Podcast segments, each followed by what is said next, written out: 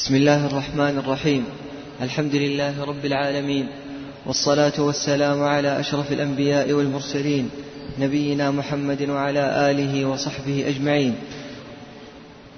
قال العلامة حافظ بن أحمد الحكمي رحمه الله تعالى في منظومة سلم الوصول فصل في بيان حقيقة السحر وحد الساحر وأن منه علم التنجيم وذكر عقوبة من صدق كاهنا. والسحر حق وله تأثير لكن بما قدره القدير. أعني بذا التقدير ما قد قدره في الكون لا في الشرعة المطهرة. واحكم على الساحر بالتكفير وحده القتل بلا نكير. كما أتى في السنة المصرحة مما رواه الترمذي وصححه. عن جندب وهكذا في أثر أمر بقتلهم روي عن عمر وصح عن حفصة عند مالك ما فيه أقوى مرشد للسالك هذا ومن أنواعه وشعبه علم النجوم فدر هذا وانتبه وحله بالوحي نصا يشرع أما بسحر مثله فيمنع ومن يصدق كاهنا فقد كفر بما أتى به الرسول المعتبر. قال رحمه الله فصل في بيان حقيقة السحر وحد الساحر وأن منه علم التنجيم وذكر عقوبة من صدق كاهنا. بسم الله الحمد لله والصلاة والسلام على رسول الله. على ما تقدم معنا أن المؤلف رحمه الله تعالى كأنه ينظم كتاب التوحيد. ذكر الرقى والتمائم وما جاء في القبور وأن أهل السنة انقسموا إلى طرفين ووسط وغيره من هذه الأمور. شرع في بيان الأعمال الشيطانية وعلى ما ذكرنا في كتاب التوحيد أن هذا في كتاب التوحيد هو القسم السادس. أنه من عادة المؤلف أي محمد بن عبد الوهاب رحمه الله تعالى أنه يجمع المسائل ثم بعد هذا يبدأ بالتفصيل. ووجه إرادة السحر في كتب العقيدة لأن السحر يكون به الشرك بالله سبحانه وتعالى ولا يمكن يتأتى السحر للساحر إلا بالشرك بالله فهو أكبر بوابة لدعوة الناس إلى الشرك. وكذلك الناس عندما يأتون إلى الساحر لابد أن يتقرب الناشر والمنتشر إلى الشيطان بما يحب فيبطل عمل عن المسحور. وهذا سيأتي معنا إن شاء الله تعالى في النشرة. فأراد المؤلف رحمه الله تعالى أن يبين هذا الباب. وأن السحر أكبر بوابة لدعوة الناس للشرك بالله سبحانه وتعالى وأن له حقيقة وله تأثير لكن بما قدر الله سبحانه وتعالى وتقدم معنا أن القضاء إما شرعي أو كوني وما هم بضارين به من أحد إلا بإذن الله الإذن هنا الإذن الكوني القدري لا الإذن الشرعي. نعم. وأراد المؤلف رحمه الله تعالى أيضا في هذا الباب أن يذكر لك شيء من أنواع السحر كما ذكر المؤلف محمد بن عبد الوهاب رحمه الله تعالى حتى تجتنب السحر وأنواع السحر. وهذا من أحسن ما يكون في التأليف أنه بين أولا السحر حكم السحر وحد الساحر وشيء من أنواع السحر حتى تجتنبها. ثم بعد هذا كيف يحل السحر وكيفية إتيان هؤلاء ومن هم؟ نعم. قال رحمه الله والسحر حق وله تأثير لكن بما قدره القدير. هذا فيه أن المؤلف رحمه الله تعالى يرى ما يرى محمد بن عبد الوهاب رحمه الله تعالى وغيره من العلماء خلافا للإمام الشافعي رحمه الله تعالى حيث أن الشافعي يرى أن السحر ينقسم إلى قسمين. وبان لهذا القول الشيخ بن عثيمين رحمه الله تعالى في القول المفيد. سحر باستخدام الشياطين وقال هذا يكفر. سحر باستخدام أدوية عقاقير تؤثر في بدن المسحور وعقله فقال هذا لا يكفر لكن يقتل حدا على أنه صائل متعدي والأول يقتل على أنه كافر مرتد وإن تاب قتلنا على أنه مسلم حدا. إذا الساحر يقتل بكل حال من الأحوال. لكن على رأي المؤلف وعلى رأي محمد عبد الوهاب رحمه الله غيره من العلماء أن دائما نقتل الساحر. وعلينا أن نقتل توبة علمها عند الله سبحانه وتعالى. وله تأثير لكن الإيجاد من العدم هذا لا يقدر عليه إلا الله سبحانه وتعالى. وهذا لم ينكره الكفار الذين بعث فيهم النبي صلى الله عليه وسلم. سحروا أعين الناس واسترهبوه يخيل إليهم من سحرهم أنها تسعى. نعم.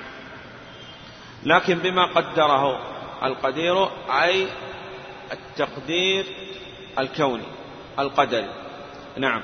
أعني بذا التقدير ما قدر الله سبحانه وتعالى أي من القضاء الكوني للقضاء الشرعي. وتقدم معنا أن السنة والجماعة يقسمون القضاء والحكم والإرادة إلى شرعية وكونية. فالشرعية تكون فيما يحب الله سبحانه وتعالى ويرضاه وكذلك قد تقع من الناس وقد لا تقع. لكن الكون لا بد أن يقع ويكون فيما يحب الله سبحانه وتعالى وفيما لا يحب. والدليل على هذا وما هم بضارين به من أحد إلا بإذن الله. والإذن هنا كوني لا شرعي. نعم. والسحر حق وله تأثير لكن بما قدره القدير. أعني بذا التقدير ما قد قدره في الكون لا في الشرعة المطهرة. واحكم على الساحر بالتكفير وحده القتل بلا نكير. واحكم على الساحر. بالكفر لأن الله سبحانه وتعالى ذكر في آية السحر بل يقول بعض العلماء أن هذه الآية فيها سبع أدلة على كفر الساحر. نعم. ثم ذكر أن عقوبة الساحر الضرب بالسيف وهذا حد حتى وإن تاب قتلنا لأن السارق الآن إذا رفع أمره للسلطان وتاب نقيم على الحد ونتركه. ولكم في القصاص حياة يا أولي الألباب. فلا بد من إقامة الحد عليه بالقتل. وعليه اعتبار ذكرنا أن السحر إذا كان ينقسم إلى قسم واحد فدائما يقتل وتوبة علم عند الله. وإذا انقسم إلى قسمين كذلك يقتل سواء السحر باستخدام الشياطين أو كان السحر باستخدام أدوية والعقاقير نعم. وحده إذا هذا أي عقوبة الساحر ضربة بالسيف هي من باب الحدود. نعم. واحكم على الساحر بالتكفير وحده القتل بلا نكير. نعم. ما هو الدليل؟ قال الدليل نعم. كما أتى في السنة المصرحة مما رواه الترمذي وصححه. لكن على الصحيح أنه لم يثبت حديث مرفوع للنبي صلى الله عليه وسلم في قتل الساحر. لكن ثبت عن ثلاثة. عن جندب كما سيذكر المؤلف رحمه الله تعالى وعن حفصة رضي الله عنها وعن عمر رضي الله عنه. وبهذا يكون عمل الصحابة رضوان الله عليهم على إقامة الحد على الساحر بأن يضرب بالسيف. نعم. كما أتى في السنة المصرحة مما رواه الترمذي وصححه. عن جندب وهكذا في أثر أمر بقتلهم روي عن عمر. آه، والأمر بقتلهم الذي روي عن عمر رضي الله عنه هذا ثبت في البخاري. نعم. وصح عن حفصة عند مالك ما فيه أقوى مرشد للسالك هذا ومن أنواعه وشعبه علم النجوم فدر هذا وانتبه. نعم. أراد أن يأتي بالباب الثاني أي بعد السحر في كتاب التوحيد. أولا باب ما جاء في السحر ثم الباب الثاني بيان شيء من أنواع السحر. أراد أن يبين لك أنواع السحر حتى تجتنبها.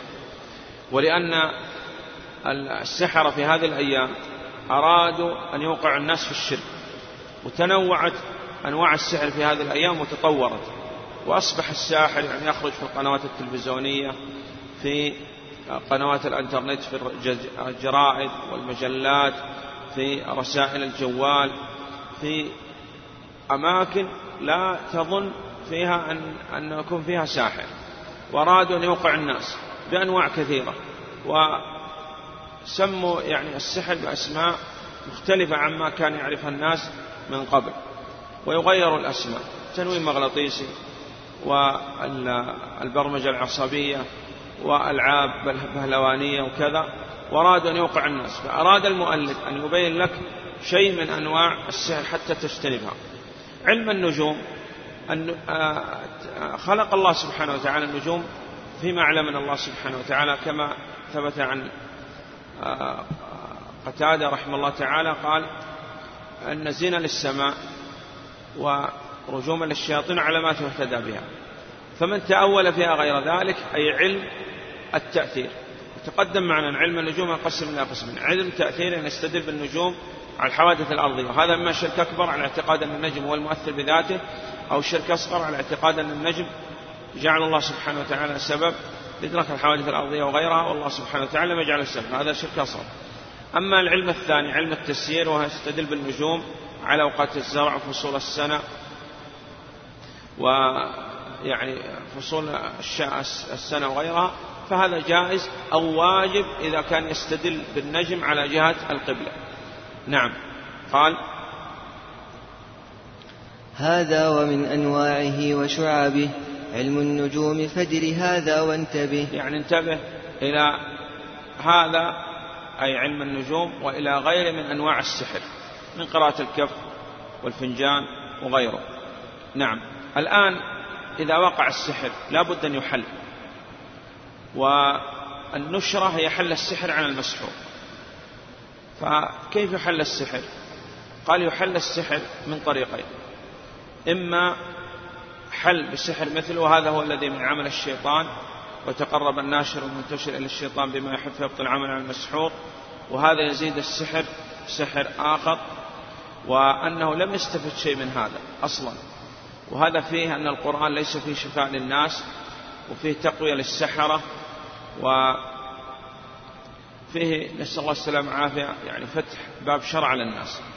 أما النوع الثاني من حل السحر ومن النشرة حل بالرقية والتعوذات والأدعية المباحة والأدوية كذلك المباحة من شرب العسل مثلا أو الحجامة أو غيرها مما أباح الله سبحانه وتعالى. فأراد المؤلف بهذا أن يبين لك أن السحر إذا وقع الأصل أنه يحل والحل من طريقين طريق استخدام الشياطين واللجوء إلى السحرة حل بسحر مثله وهذا الذي هو من عمل الشيطان. ولو وجدنا أحد يقول بحل السحر بسحر نرد عليهم بالأمور التي ذكرنا مخالف لما قال النبي صلى الله عليه وسلم عندما سئل عن النشرة أي النشرة بالسحر. قال هي من عمل الشيطان وكذلك يعني نرد عليهم بما جاء في القرآن وأيضا نرد عليهم بما جاء عن السلف لا يحل السحر إلا ساحر. وفي تقوية للسحرة وفي تضعيف للتداوي العلاج بالقرآن وفيه أنه لا يمكن يحل السحر إلا بسحر.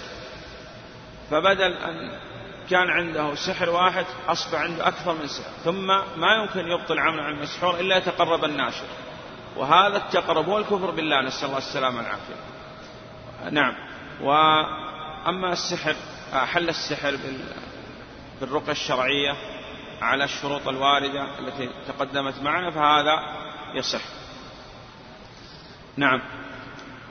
وحله بالوحي نصا يشرع أما بسحر مثله فيمنع.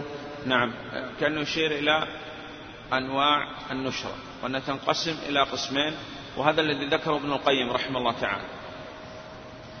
ومن يصدق كاهنا فقد كفر بما أتى به الرسول المعتبر. عليه الصلاة والسلام كأنه يشير بهذا الكلام إلى حكم إتيان هؤلاء وكيفية الإتيان ومن هم؟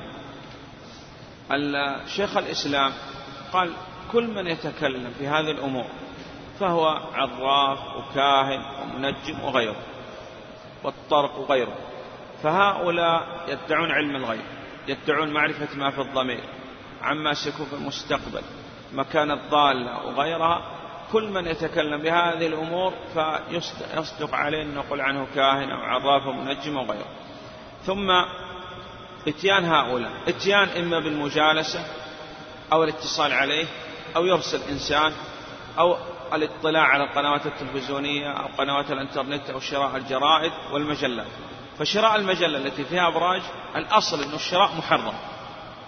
والنظر إذا نظر في الأبراج فقد لا تقبل له صلاة أربعين يوم. وإذا صدق كفر بما أنزل على محمد صلى الله عليه وسلم. يرسل رسالة للساحر أو الكاهن أو هؤلاء الذين يقولون يا حظ ويا نصيب وكذا فمجرد يرسل الرسالة لا تقبل له صلاة أربعين يوم. إذا استقبل الرسالة الأخرى كفر بما أنزل على محمد عليه الصلاة والسلام وهذا قد يكون في ثواني. ولهذا قلنا أنه تطورت وتنوعت أساليب السحر في العصر الحاضر. آه كفر بما أنزل على محمد. هذا فيه أي الكلام من النبي عليه الصلاة والسلام. كفر بما أنزل على محمد صلى الله عليه وسلم. هذا في القرآن أن القرآن منزل مخلوق وأنه كلام الله وإثبات العلو لله سبحانه وتعالى وجه الله به. والذي أنزل على محمد عليه الصلاة والسلام القرآن وفيه قل لا يعلم من في السماوات والأرض الغيب إلا الله. وإذا صدق أن هذا يعلم ولو شيء من الغيب فقد كفر بهذه الآية. وإذا كفر بهذا كفر بكل القرآن. نعم.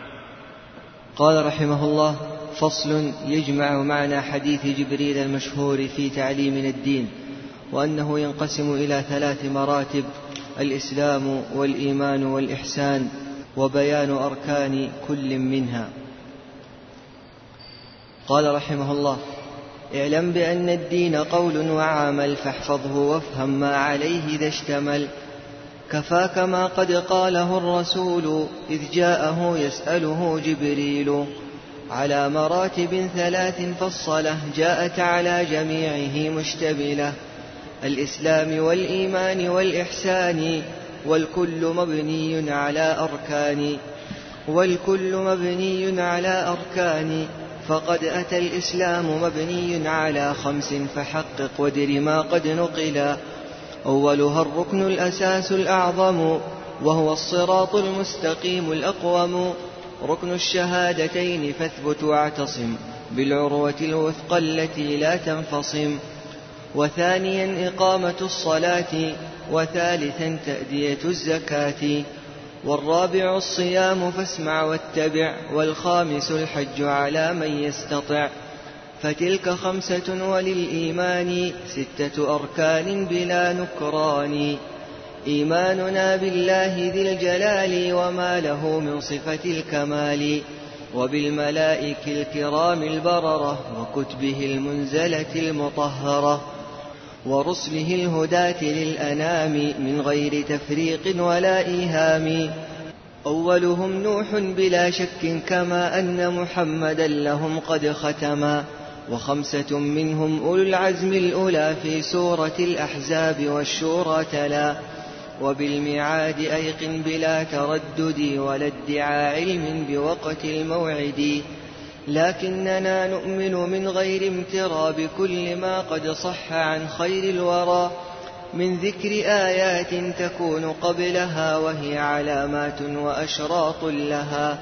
ويدخل الإيمان بالموت وما من بعده على العباد حتما وأن كلا مقعد مسؤول ما الرب ما الدين وما الرسول. وعند ذا يثبت المهيمن بثابت القول الذين آمنوا ويوقن المرتاب عند ذلك بأن ما مورده المهالك.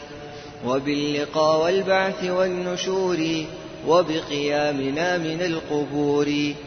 غرلا حفاة كجراد منتشر يقول ذو الكفران ذا يوم عسير ويجمع الخلق ليوم الفصل جميعهم علويهم والسفل في موقف يجل فيه الخطب ويعظم الهول به والكرب وأحضروا للعرض والحساب وانقطعت علائق الأنساب وارتكمت سحائب الأهوال وانعجم البليغ في المقال وعنت الوجوه للقيوم واقتص من ذي الظلم للمظلوم وساوت الملوك للأجناد وجيء بالكتاب والأشهاد وشهدت الأعضاء والجوارح وبدت السوءات والفضائح وابتليت هنالك السرائر وانكشف المخفي في الضمائر ونشرت صحائف الأعمال تؤخذ باليمين والشمال. طوبى لمن يأخذ باليمين كتابه بشرى بحور عين. والويل للآخذ بالشمال وراء ظهر للجحيم صال. والوزن بالقسط فلا ظلم ولا يؤخذ عبد بسوى ما عملا فبين ناج رابح ميزانه ومقرف أوبقه عدوانه وينصب الجسر بلا امتراء كما أتى في محكم الأنباء يجوزه الناس على أحوال بقدر كسبهم من الأعمال فبين مجتاز إلى الجنان ومسرف يكب في النيران والنار والجنة حق وهما موجودتان لا فناء لهما. وحوض خير الخلق حق وبه يشرب في الأخرى جميع حزبه. كذا له لواء حمد ينشر وتحته الرسل جميعا تحشر. كذا له الشفاعة العظمى كما قد خصه الله بها تكرما. من بعد إذن الله لا كما يرى. كل قبوري على الله افترى. يشفع أولا إلى الرحمن في فصل القضاء بين أهل الموقف. من بعد أن يطلبها الناس إلى كل أولي العزم الهداة الفضلاء. وثانيا يشفع في استفتاح دار النعيم لأولي الفلاح. هذا وهاتان الشفاعتان قد خصتا به بلا نكران. وثالثا يشفع في أقوام ماتوا على دين الهدى الإسلام وأوبقتهم كثرة الآثام فأدخلوا النار بذا الإجرام. أن يخرجوا منها إلى الجنان بفضل رب العرش ذي الإحسان وبعده يشفع كل مرسل وكل عبد ذي صلاح وولي.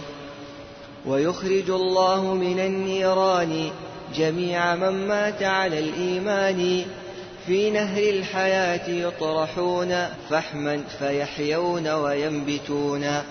كأنما ينبت في هيئاته حب حميل السيل في حافاته. والسادس الإيمان بالأقدار فأيقنا بها ولا تماري. فكل شيء بقضاء وقدر والكل في أم الكتاب مستطر. لا نوء لا عدوى ولا طير ولا عما قضى الله تعالى حولا. لا غول لا هامة لا ولا صفر كما بذا أخبر سيد البشر. وثالث مرتبة الإحسان وتلك أعلاها لدى الرحمن وهو رسوخ القلب في العرفان حتى يكون الغيب كالعيان. قال رحمه الله فصل يجمع معنى حديث جبريل المشهور في تعليمنا الدين وأنه ينقسم إلى ثلاث مراتب الإسلام والإيمان والإحسان. وبيان أركان كل منها. ذكر المؤلف رحمه الله تعالى على ما ذكر الشيخ محمد بن عبد الوهاب رحمه الله تعالى في الأصول الثلاثة. ثم يعني أطال في شرح الركن من أركان الإيمان وهو الإيمان باليوم الآخر. وأطال وذكر أمور تكون بعد الموت. والله أعلم في هذا يعني الرجوع إلى العقيدة الواسطية لشيخ الإسلام ابن تيمية رحمه الله تعالى. قال أن الدين ما جاء به جبريل عليه السلام في حديثه عندما جاء للنبي صلى الله عليه وسلم وقال عليه الصلاة والسلام هذا جبريل.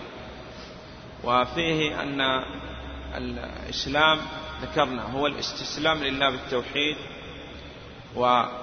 والاستسلام لله بالتوحيد والانقياد إذا لابد من عمل قياد له بالطاعة والبراء من الشرك وأهله تكون بالقلب واللسان والجوارح. وهو ثلاث مراتب ذكرنا أن مراتب الدين ثلاثة إسلام وإيمان وإحسان وكل مرتبة لها أركان. نعم. فأراد أن يبين مراتب الدين وقلنا ركز على شرح ما يكون بعد الموت من الإيمان باليوم الآخر. وأطال في هذا الباب. نعم. كما أطال شيخ الإسلام ابن تيمية رحمه الله تعالى في العقيدة الواسطية. اعلم بأن الدين قول وعمل فاحفظه وافهم ما عليه إذا اشتمل. تقدم معنا أن الإيمان قول وعمل واعتقاد يزيد وينقص وأن الله لا إله إلا الله لا تنفع إلا بالشروط ولا بد فيها من قول وعمل واعتقاد. نعم. ودليل أن الإيمان قول وعمل واعتقاد يزيد وينقص قول النبي صلى الله عليه وسلم الإيمان بضع وسبعون شعبة. فأعلاها قول هذا قول. وأدناها إماطة الأذى عن الطريق وهذا عمل جوارح. والحياء هذا عمل القلب. أيكم زادته هذه إيمانه هذا دليل أنه يزيد. وإذا كان يزيد لابد أن ينقص وجاء النقصان مصرحا به في سنة النبي عليه الصلاة والسلام حيث قال ما رأيت من ناقصات عقل ودين. إذا لابد في الإيمان من أمور خمسة قول وعمل واعتقاد ويزيد وينقص. فإذا كان يقول بلسان ويعتقد بقلبه؟ فهو كافر. كما هي حال المنافق نسأل الله السلامة والعافية. يعتقد بقلبه ولا يقول بلسانه قال هذا عليه أئمة الكفر. منهم فرعون. كان يعتقد هذا بقلبه. ولذلك عندما ذكر الموت قال آمنت أنه لا إله إلا الذي آمنت به بنو إسرائيل. أبو طالب كان يقر بقلبه أن الله سبحانه وتعالى هو الخالق والرازق والمحيي والمميت المدبر ولا بد أن يفرد بالعبادة. لكن ما استطاع أن يصرح عن هذا بلسانه فحكم عليه النبي صلى الله عليه وسلم بعد حكم الله سبحانه وتعالى بماذا؟ بالكفر. نعم. ما كان النبي والذين آمنوا يستغفر المشركين ولا كانوا أولو القربى. إذا لا قول وعمل. ولا بد من عمل. إذا كان لا يعمل إعراض عن دين الله بالكلية لا تعلمه ولا يعمل به. يزيد وينقص. نعم. كفاك يعني في هذا ما قاله النبي عليه الصلاة والسلام. حين جاء جبريل عليه السلام يسأل النبي عليه الصلاة والسلام. جلس جلسة المتأدب وسأل سؤال انتفعت منه الأمة ثم سأل وأنصت. ثم بعد هذا صدق. قال فعجبنا له يسأل ويصدق هذا دليل نعرف الإجابة. نعم. كفاك ما قد قاله الرسول إذ جاءه يسأله جبريل على مراتب ثلاث فالصلاة جاءت على جميعه مشتملة. نعم فهو مراتب الدين ثلاثة إسلام وإيمان وإحسان وفصلت في هذا الحديث. نعم. الإسلام والإيمان والإحسان والكل مبني على أركان. نعم ولكل واحد من هذه المراتب الثلاثة أركان. نعم. فقد أتى الإسلام مبني على خمس فحقق ودر ما قد نقلا نعم أركان الإسلام خمسة على ما ذكر النبي عليه الصلاة والسلام في حديث جبريل عليه السلام. نعم. أولها الركن الأساس الأعظم وهو الصراط المستقيم الأقوم. ركن الشهادتين فاثبت واعتصم بالعروة الوثقى التي لا تنفصم. آه، العروة الوثقى التي لا تنفصم. لا انفصام يعني لا انقطاع شهادة لا إله إلا الله لا معبود بحق إلا الله وقلنا لا إله إلا الله لا بد فيها من نفي وإثبات.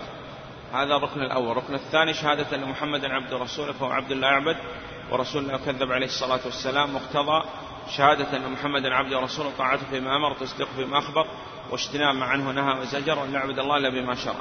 نعم.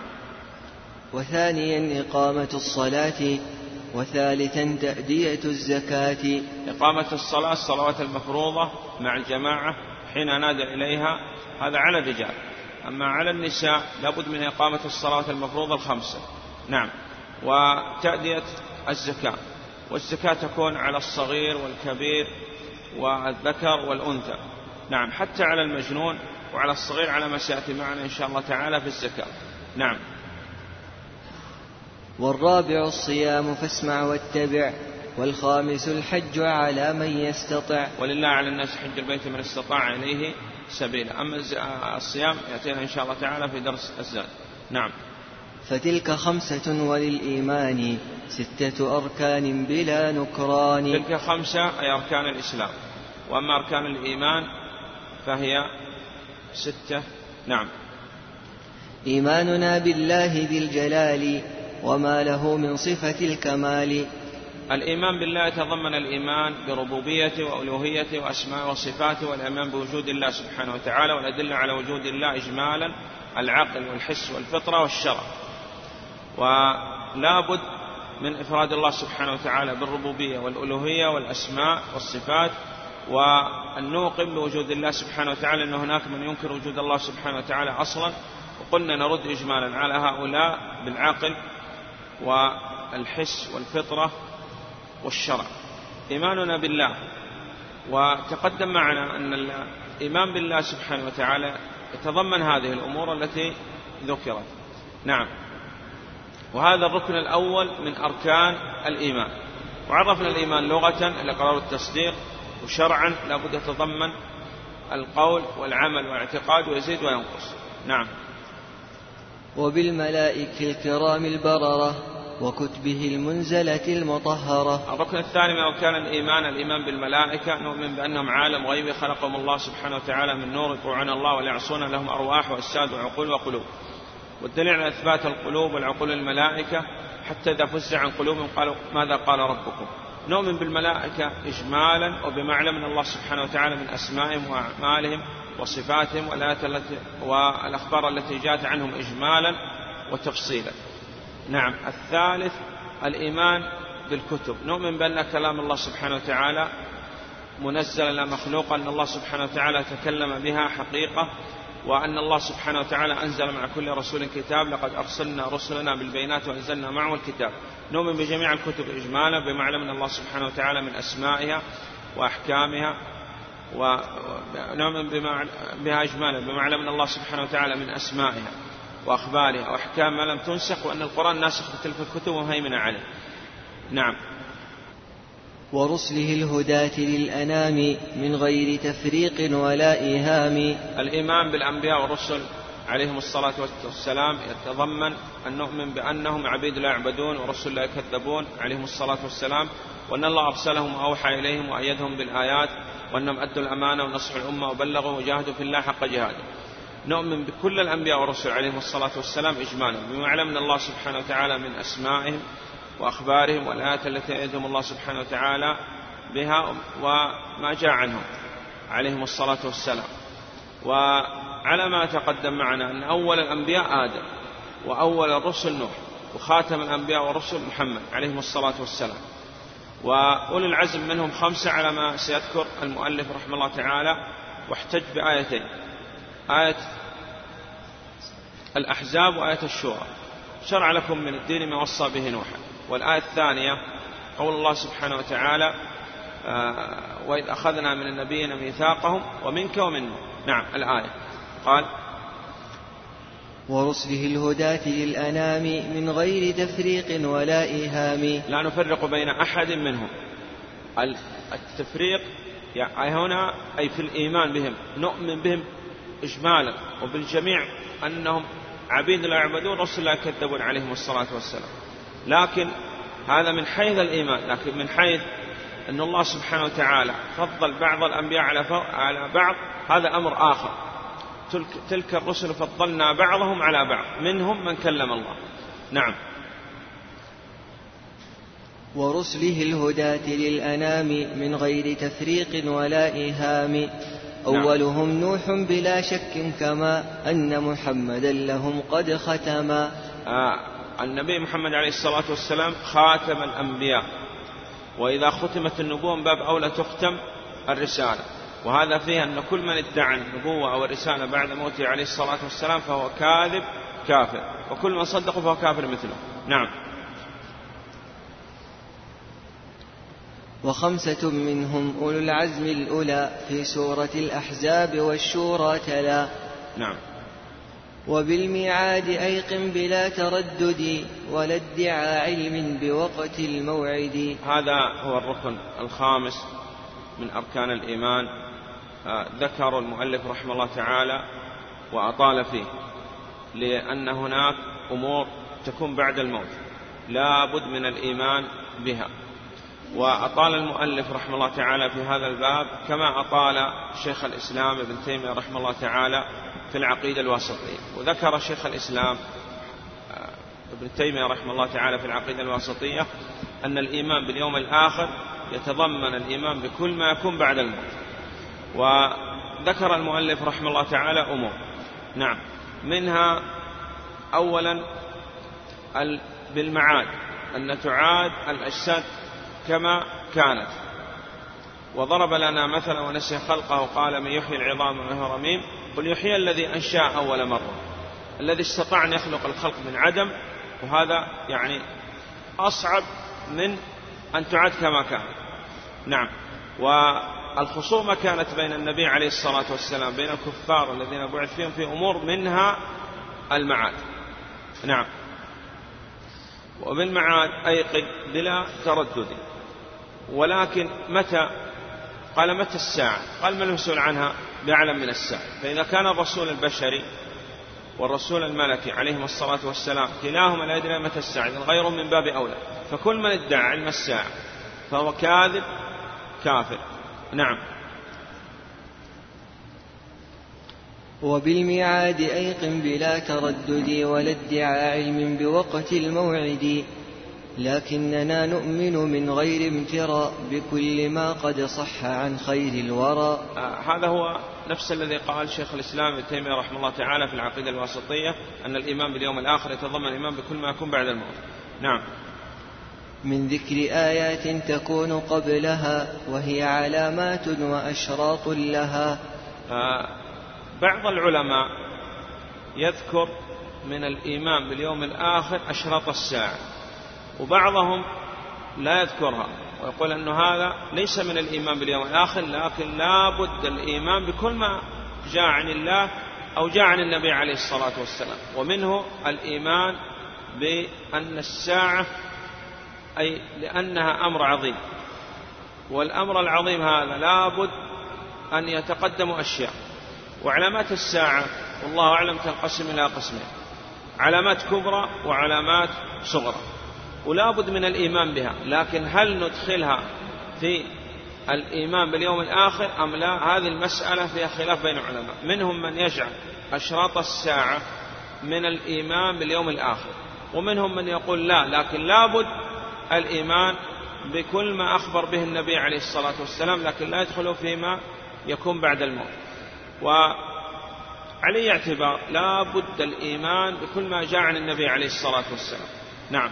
فالمؤلف رحمه الله تعالى كأنه يرى إدخال أشراط الساعة في الإيمان باليوم الآخر. نعم. ويدخل الإيمان بالموت وما من بعده على العباد حتما. الإيمان بالموت أن الناس يموتون. والله سبحانه وتعالى هو الحي الذي لا يموت. طيب وقال الإيمان بالموت وما يكون بعد الموت. نعم.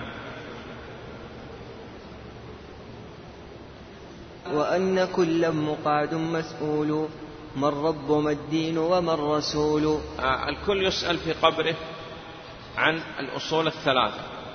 تقدم معنا الذي يتعلم هذه الأصول الثلاث في الدنيا ثم يعمل بها ثم يدعو إليها ثم يصبر. أولا علم وثانيا عمل وثالثا على الدعوة بإذن الله يجيب عن أسئلة القبر. ولا يستثنى أحد من السؤال عن هذه الأصول الثلاثة بالقبر إلا الأنبياء والرسل عليهم الصلاة والسلام أن نسأل عنهم وكذلك الصديقين وكذلك الشهداء المكافأة ببالغة السيف. كما قال النبي عليه الصلاة والسلام وكذلك الذين لا عقل لهم الصغار والمجانين. هؤلاء لا يسألون. نعم. عن الأصول الثلاثة ويأتيان ملكان. على ما ذكر النبي عليه الصلاة والسلام. إذا من الإيمان باليوم الآخر الإيمان بكل ما يكون بعد الموت ومنه السؤال عن الأصول الثلاثة. نعم. ما الدين؟ ما الرب؟ ما الرسول؟ فإذا كان تعلمها في الدنيا وعمل بها ودعا وصبر على العلم والعمل والدعوة بإذن الله يجيب. وإذا كان يعني يعرف هذه الأمور معرفة نظرية فقط دون عمل دون دعوة دون اعتقاد فهذا نسأل الله السلامة والعافية زيادة له في العذاب أنه يحاول أن يتذكر شيء كان يعرفه وما استطاع أن يذكره هنا في هذا الموضع نعم. وهذا الكافر هذا هو المنافق نسأل الله السلامة والعافية. نعم. أو المرتاب يعني الشاب نعم. وأن كلا مقعد مسؤول ما الرب ما الدين وما الرسول يعني كلا إلا الأنبياء والرسل عليهم الصلاة والسلام والصديقين والشهداء ومن لا عقل له نعم. وعند ذا يثبت المهيمن بثابت القول الذين آمنوا. اللهم اجعل منهم يثبت الله الذين آمنوا بالقول الثابت في الحياة الدنيا وفي الآخرة هنا الثبات. من الله سبحانه وتعالى. نعم. فالذي يعمل بهذا في الدنيا يعني يقول قول وعمل واعتقاد بإذن الله يقول هذا في القلب نعم. ويوقن المرتاب عند ذلك بأن ما مورده المهالك. نعم. هذا الكافر والمرتاب نسأل الله السلامة والعافية. نعم. فيقول ها ها لا أدري. سمعت الناس يقولون شيئا فقلته. نعم. وباللقاء والبعث والنشور وبقيامنا من القبور. فمن كان يرجو لقاء ربه ومن أحب لقاء الله أحب الله لقاءه.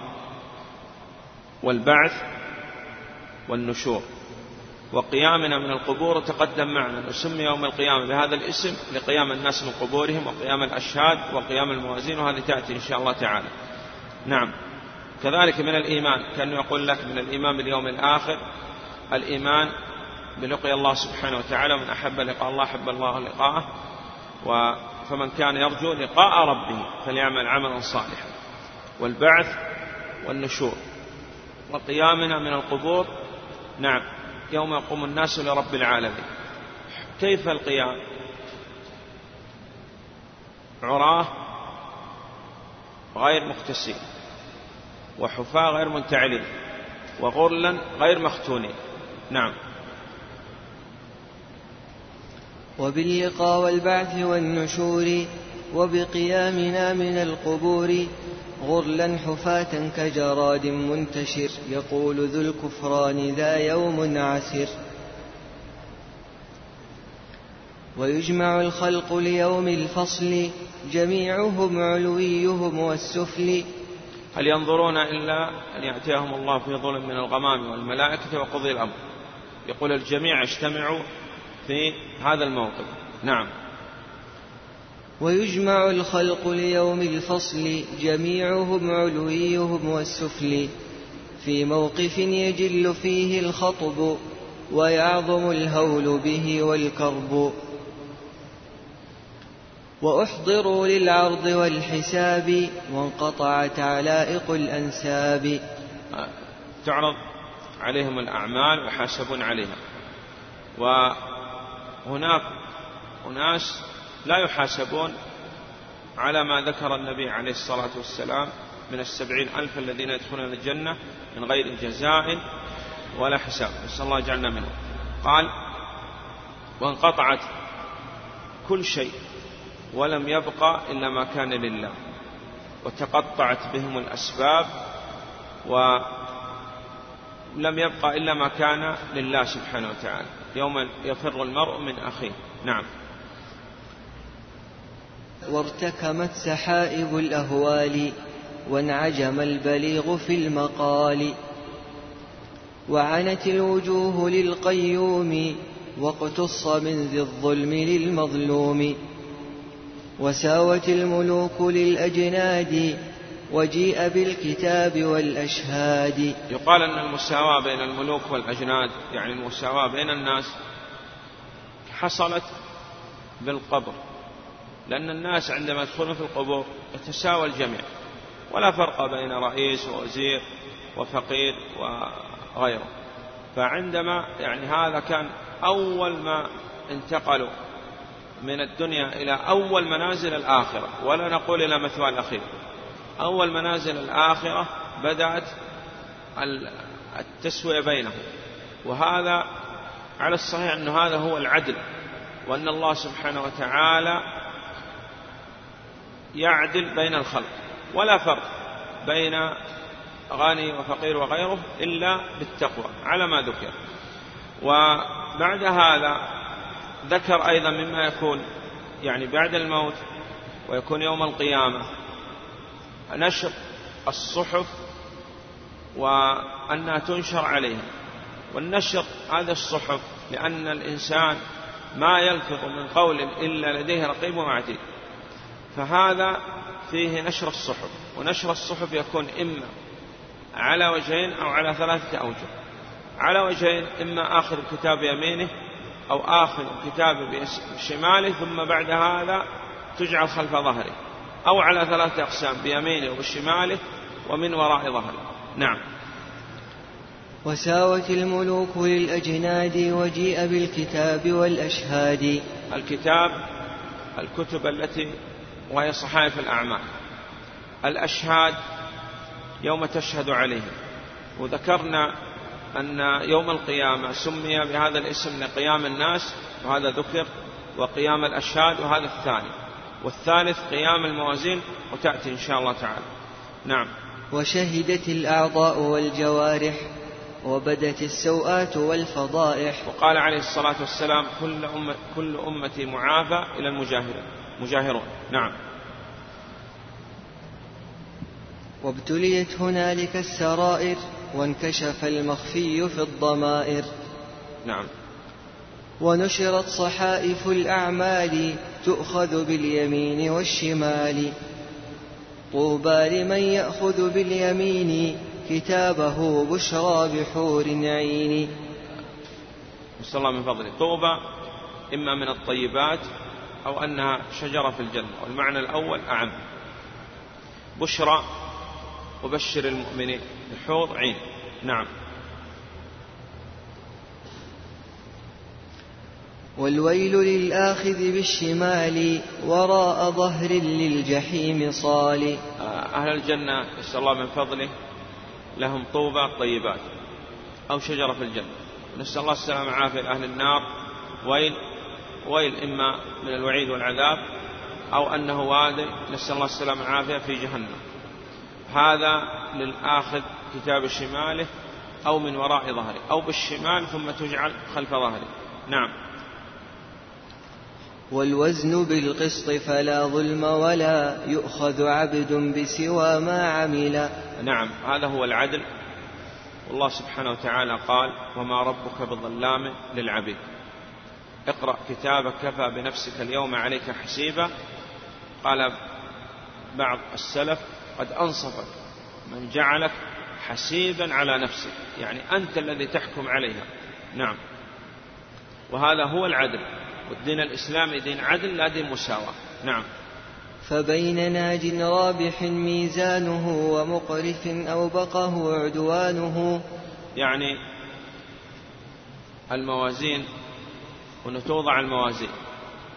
وإما أن أن لكل أمة لكل أمة ميزان أو أنها أو أنه ميزان واحد وجمع باعتبار ما يوزن فيه.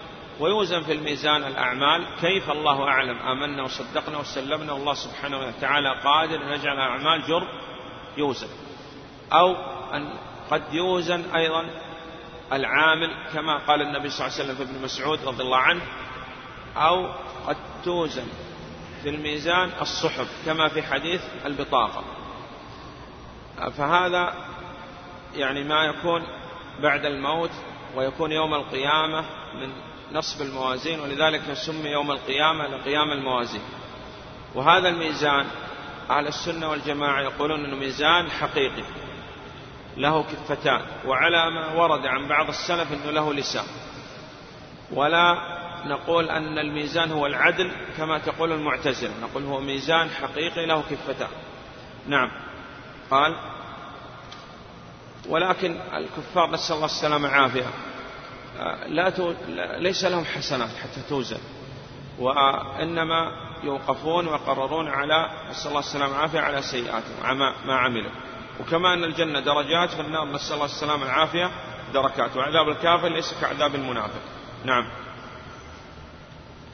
وينصب الجسر بلا امتراء كما أتى في محكم الأنباء. ينصب الجسر وهذا هو الصراط المنصوب على متن جهنم. نسأل الله السلامة والعافية أرض المحشر ثم النار. نسأل الله السلامة والعافية وعليها الصراط.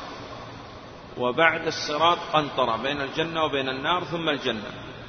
ينصب الجسر كما جاء في الآيات المحكمة. نعم. أنه على متن جهنم. ويمر الناس فيه على قدر أعماله. فسير الإنسان في الدنيا يحدد سيره على الصراط إذا كان في الدنيا يسعى إلى الله سبحانه وتعالى سعيا شديدا. قد يمر كالبرق أو كالريح أو كالفرس الجواد. نعم. وإذا كان يسير إلى الله سبحانه وتعالى في الدنيا ببطء أو يمشي أو كذا فيمشي على الصراط بهذا. والجزاء من جنس العمل. نعم. وينصب الجسر بلا امتراء كما أتى في محكم الأنباء يجوزه الناس على أحوال بقدر كسبهم من الأعمال. فالجزاء من جنس العمل. نعم.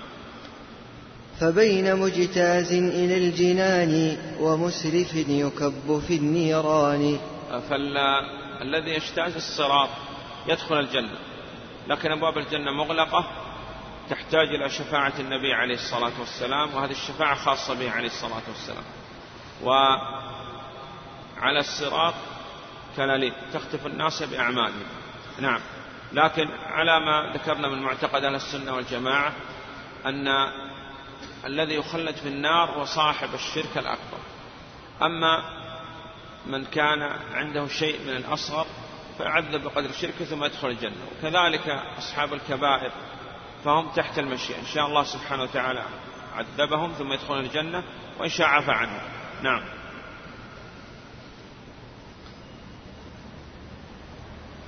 والنار والجنة حق وهما موجودتان لا فناء لهما. من الإيمان باليوم الآخر الإيمان بالجنة والنار وأنها موجودتان أعدت للمتقين وكذلك قال في النار. ونؤمن بأن الجنة موجودة وأن النعيم حقيقي فيها وفيها ما لا عين رأت ولا أذن سمعت وأن أهل الجنة هم من, من آمنوا بالله سبحانه وتعالى. وكذلك نؤمن بالنار بأنها موجودة. وأما فناء الجنة والنار أولا هذا السؤال يقول لم يرد عن السلف أصلا. وأن المؤمن لا يمكن أو المسلم لا يمكن يخلد في النار. بل يدخل الجنة ويعذب على ما يقدر الله سبحانه وتعالى عليه. أما الكافر نسأل الله السلام عافية فهو مخلد خلود أبدي في النار. نعم. لا فناء لهما. والوجود قلنا أعدت. نعم. وحوض خير الخلق حق وبه يشرب في الأخرى جميع حزبه. حوض النبي عليه الصلاة والسلام وكان وجود الحوض قبل المرور على الصراط وبعد أن يلجمهم العرق الجامد ومما يكون بعد الموت آه، أن الشمس تدنو من الخلائق ويلجمهم عرق الجامد لكن هناك أناس يسلمون من هذا وهم الذين يظلهم الله سبحانه وتعالى في ظل عرشه. نسأل الله يجعلنا منهم. قال حوض النبي عليه الصلاة والسلام. هل لكل نبي حوض؟ قال إن صح الحديث فيكون لكل نبي حوض من الأنبياء والرسل عليهم الصلاة والسلام لكن أعظم الأحواض وأكبر الأحواض وحوض نبينا عليه الصلاة والسلام. طوله شهر شهر وعرضه شهر آنيته عدد نجوم السماء آه ريحه أطيب من ريح المسك ولونه آه أبيض آه من العسل أبيض من اللبن وطعمه أحلى من العسل. ثمرة الشرب منها أن من شرب منه لأن الناس الآن بحاجة لشرب لحقهم ظمأ من دنو الشمس والجام العرب. فيحتاج إلى شرب لكن الجزاء من جنس العمل. الذي يحب سنة النبي عليه الصلاة والسلام ويتعلمها ويعمل بها ويدعو إليها ويتمسك بها ظاهرا وباطنا كان الجزاء أنه يكون يوم القيامة له أن يشرب من يد النبي عليه الصلاة والسلام. ويذاد عن الحوض أقوام لأنهم أحدثوا في سنة النبي صلى الله عليه وسلم فيقول لهم النبي عليه الصلاة والسلام سحقا سحقا وهذا الحوض ثمرة الشرب منه أنه لا يظمأ بعدها أبدا. نعم. حوض النبي عليه الصلاة والسلام يشرب منه حزب النبي عليه الصلاة والسلام أي أتباع النبي عليه الصلاة والسلام. وهذا فيه أن الفرق كل فرقة من الفرق تتبع إنسان غير معصوم وأهل السنة والجماعة يتبعون النبي عليه الصلاة والسلام لأن الله سبحانه وتعالى أمرنا باتباعه وعصم الله سبحانه وتعالى. نعم. وهذا الفرق بين أهل السنة وبين المخالفين لأهل السنة والجماعة. كذا له لواء حمد ينشر وتحته الرسل جميعا تحشر. نعم. كذا له الشفاعة العظمى كما قد خصه الله بها تكرما. ذكرنا أن النبي عليه الصلاة والسلام خصه الله سبحانه وتعالى بالشفاعة الخاصة وهي الشفاعة العظمى في أهل الموقف أن الله سبحانه وتعالى يقضي بين الخلائق. بعد أن يتراجع عنها آه، آدم ثم نوح ثم إبراهيم ثم موسى ثم عيسى عليهم الصلاة والسلام. والشفاعة الثانية في فتح أبواب الجنة وهذه تذكر الآن إن شاء الله تعالى. والشفاعة الثالثة في عم أبي طالب أن يخف عنه العذاب. أما الشفاعة العامة وطبعا هذه الشفاعة لا تكون إلا بالشروط الثلاثة الإذن والرضا عن الشافع والرضا عن مشفوعنا الشفاعة في رفع الدرجات وفي من دخل النار من الموحدين يخرج منها ومن استحق دخول النار من الموحدين ألا يدخلها. نعم.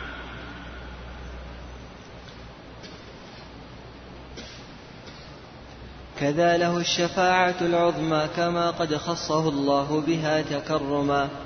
من بعد إذن الله لا كما يرى كل قبوري على الله افترى. نعم افتروا على الله كذبا لأنهم قالوا أن الله سبحانه وتعالى يأذن لهذه الأصنام. الله سبحانه وتعالى لا يأذن لها. نعم. يشفع أولا إلى الرحمن في فصل القضاء بين أهل الموقف نعم وهذه الشفاعة العظمى بعد أن نتراجع عنها الأنبياء قلنا آدم ونوح وإبراهيم وموسى وعيسى عليهم الصلاة والسلام. نعم. من بعد أن يطلبها الناس إلى كل أولي العزم الهداة الفضلاء. نعم ومعهم آدم عليهم الصلاة والسلام. وثانيا يشفع في استفتاح دار النعيم لأولي الفلاح. نعم وهذه شفاعة خاصة لأن أبواب الجنة مغلقة وتحتاج إلى شفاعة. فيستفتح النبي صلى الله عليه وسلم عند باب الجنة فيقول الخازن من؟ يقول محمد عليه الصلاة والسلام يقول بك أمرت لا أفتح لأحد من قبلك. نعم. هذا وهاتان الشفاعتان قد خصتا به بلا نكران. ونضيف إليها الشفاعة في عم أبي طالب أن يخفف عنه العذاب. وثالثا يشفع في أقوام ماتوا على دين الهدى الإسلامي وأوبقتهم كثرة الآثام فأدخلوا النار بذا الإجرام أن يخرجوا منها إلى الجنان بفضل رب العرش ذي الإحسان. هؤلاء يعني أسلموا ولكن عندهم سيئات أكثر من الحسنات ويخرجهم الله سبحانه وتعالى بفضله. وذكرنا أن معتقد أهل السنة والجماعة أنه لا يمكن يدخل أهل الشرك الجنة. نعم. وهؤلاء هم يعني أسلموا لكن السيئات أكثر من الحسنات. نعم. وبعده يشفع كل مرسل وكل عبد ذي صلاح وولي. هذه الشفاعة العامة في رفع الدرجات أو من دخل أو من استحق دخول النار على ما ذكرنا. نعم. ويخرج الله من النيران جميع من مات على الإيمان. في نهر الحياة يطرحون فحما فيحيون وينبتون. كأنما ينبت في هيئاته حب حميل السيل في حافاته. نعم على ما ذكر النبي عليه الصلاة والسلام. نعم. والسادس الإيمان بالأقدار. فأيقنا بها ولا تماري الآن انتهى من شرح الركن الخامس من أركان الإيمان وقلنا أطال فيه لأن أمور يعني تحدث فيه كثيرة ولا بد من الإيمان بها. وأطال كما أطال الشيخ الإسلام ابن تيمية رحمه الله تعالى في العقيدة الواسطية. ثم ذكر الركن السادس وهو الإيمان بالقضاء والقدر وتقدم معنا الإيمان بالقضاء والقدر يتضمن الإيمان بمراتب القضاء والقدر علم كتابة مولانا مشيئته وخلقه وإيجاده وتكوينه. علم أن تؤمن الله سبحانه وتعالى علم كل شيء جملة وتفصيلا ولا يخفى عليه شيء في الأرض ولا في السماء. وحتى الذي لم يقع يعلم الله سبحانه وتعالى إذا وقع كيف يقع؟ الكتابة أمر الله سبحانه وتعالى القلم أن يكتب مقادير كل شيء لن تقوم الساعة. والمشيئة للعبد مشيئة إرادة لكن هذه المشيئة والإرادة تحت مشيئة الله النافذة. فما شاء الله كان وما لم يشاء لم يكن وما تشاءون إلا أن يشاء الله رب العالمين. الرابع أن العبد مخلوق أعماله تابعة له فمخلوق مثله والله خلقكم وما تعملون الله خالق كل شيء. نعم. فكل شيء بقضاء وقدر. وهذا يعلم الله سبحانه وتعالى ولا يخفى عليه شيء في الأرض ولا في السماء. والكل قد كتب لأن الله سبحانه وتعالى أمر القلم أن يكتب مقادير كل شيء إلى أن تقوم الساعة. نعم. والسادس الإيمان بالأقدار فأيقنا بها ولا تماري. فكل شيء بقضاء وقدر والكل في أم الكتاب مستطر. لا نوء لا عدوى ولا طير ولا عما قضى الله تعالى حولا. لا غول لا هامة لا ولا صفر كما بذا أخبر سيد البشر. عليه الصلاة والسلام. لا نوء يعني كانوا إذا خرجوا في أرادوا السفر أو كذا ينظروا في النجوم. ويقول أنه يعني لا يصح السير في هذه الأيام أو أنه يحصل في هذه الأيام مرض أو كذا. وتقدم معنا أن علم النجوم ينقسم إلى قسمين علم تأثير وعلم تسيير. مطرنا بنوع كذا وكذا. لا عدوى أي مؤثرة بذاته مع إثبات كون العدوى لانتقال المرض بإذن الله. وأراد النبي صلى الله عليه وسلم يبطل اعتقاد الجاهلية لأنهم كانوا يعتقدوا أن المرض هو المؤثر بذاته. ولا تطير. ولأن التطير الأصل فيه أنه شرك أصغر وقد يصل إلى أن يكون نوع من أنواع الشرك الأكبر. ولأن الله سبحانه وتعالى كتب مقادير كل شيء. ولا يمكن الإنسان أن يتطير لأن التطير هو حال المشرك والمنافق. لا بد أن يتفاعل هذا حال النبي صلى الله عليه وسلم والسلف الصالح. عما قضى الله حولا أي يتحول من حال إلى حال وانتقال نعم. وهذا هو يعني كأنه يشرح نفس الكلام في النهي عن التطير. قال ولكن يثيب الله سبحانه وتعالى بالتوكل. نعم. ولا غول أشباح كانت تخرج آه، لهم والهامة هي البومة وطائر يشبه البومة أيضا. هذا كله من أنواع التطير وكذلك الصفر صفر إما أنهم يتشاءموا قلنا التطير هو التشاؤم بمرء أو مسموع أو معلوم زمان أو مكان فتشاءموا ببعض الأزمنة ومنها شهر صفر أو قيل أنه صفر داء يصيب الإبل أو صفر من النسيء لأنهم كانوا يغيروا الأشهر. يضيق عليهم أنهم يعني يتركوا القتال في ثلاثة أشهر ذو القاعدة وذو الحجة ومحرم. فأتوا إلى أناس أطلقوا عليهم أهل النسيء. ويدفع لهم أموال ويقول نريد في هذا العام حتى نستطيع القتال أن نغير ونجعل صفر مكان محرم محرم مكان صفر. ولذلك سموا أهل النسيء النسيء ربا الفضل وربا النسيء التأخير. إنما النسيء زيادة في الكفر. يضل به الذين كفروا يحلونه عاما ويحرمونه عاما ليواطوا عدة ما حرم الله. إذا لا صفر أي لا صفر مكان محرم. نعم. والأقوال الثلاثة صحيحة. نعم. كما أخبر النبي عليه الصلاة والسلام وهذا قد مر معنا في كتاب التوحيد. الآن انتهى المؤلف رحمه الله تعالى من شرح المرتبة الثانية من مراتب الدين وهو الإيمان. وشرع في المرتبة الثالثة وهو الإحسان والإحسان يكون في عبادة الله ويكون إلى عباد الله. ففي عبادة الله هو ركن واحد. تحت هذا الركن عبادة المشاهدة وعبادة المراقبة. عبادة المشاهدة هذه عبادة الأنبياء والرسل عليهم الصلاة والسلام. أن تعبد الله كأنك تراه. عبادة رغبة وحب وشوق فيما عند الله. وإذا لم تستطع الوصول إلى هذه المرتبة لا يمكن تخرج عن المرتبة الثانية فإن لم تكن ترى فإنه يراك عبادة خوف وهرب وتسمى عبادة المراقبة.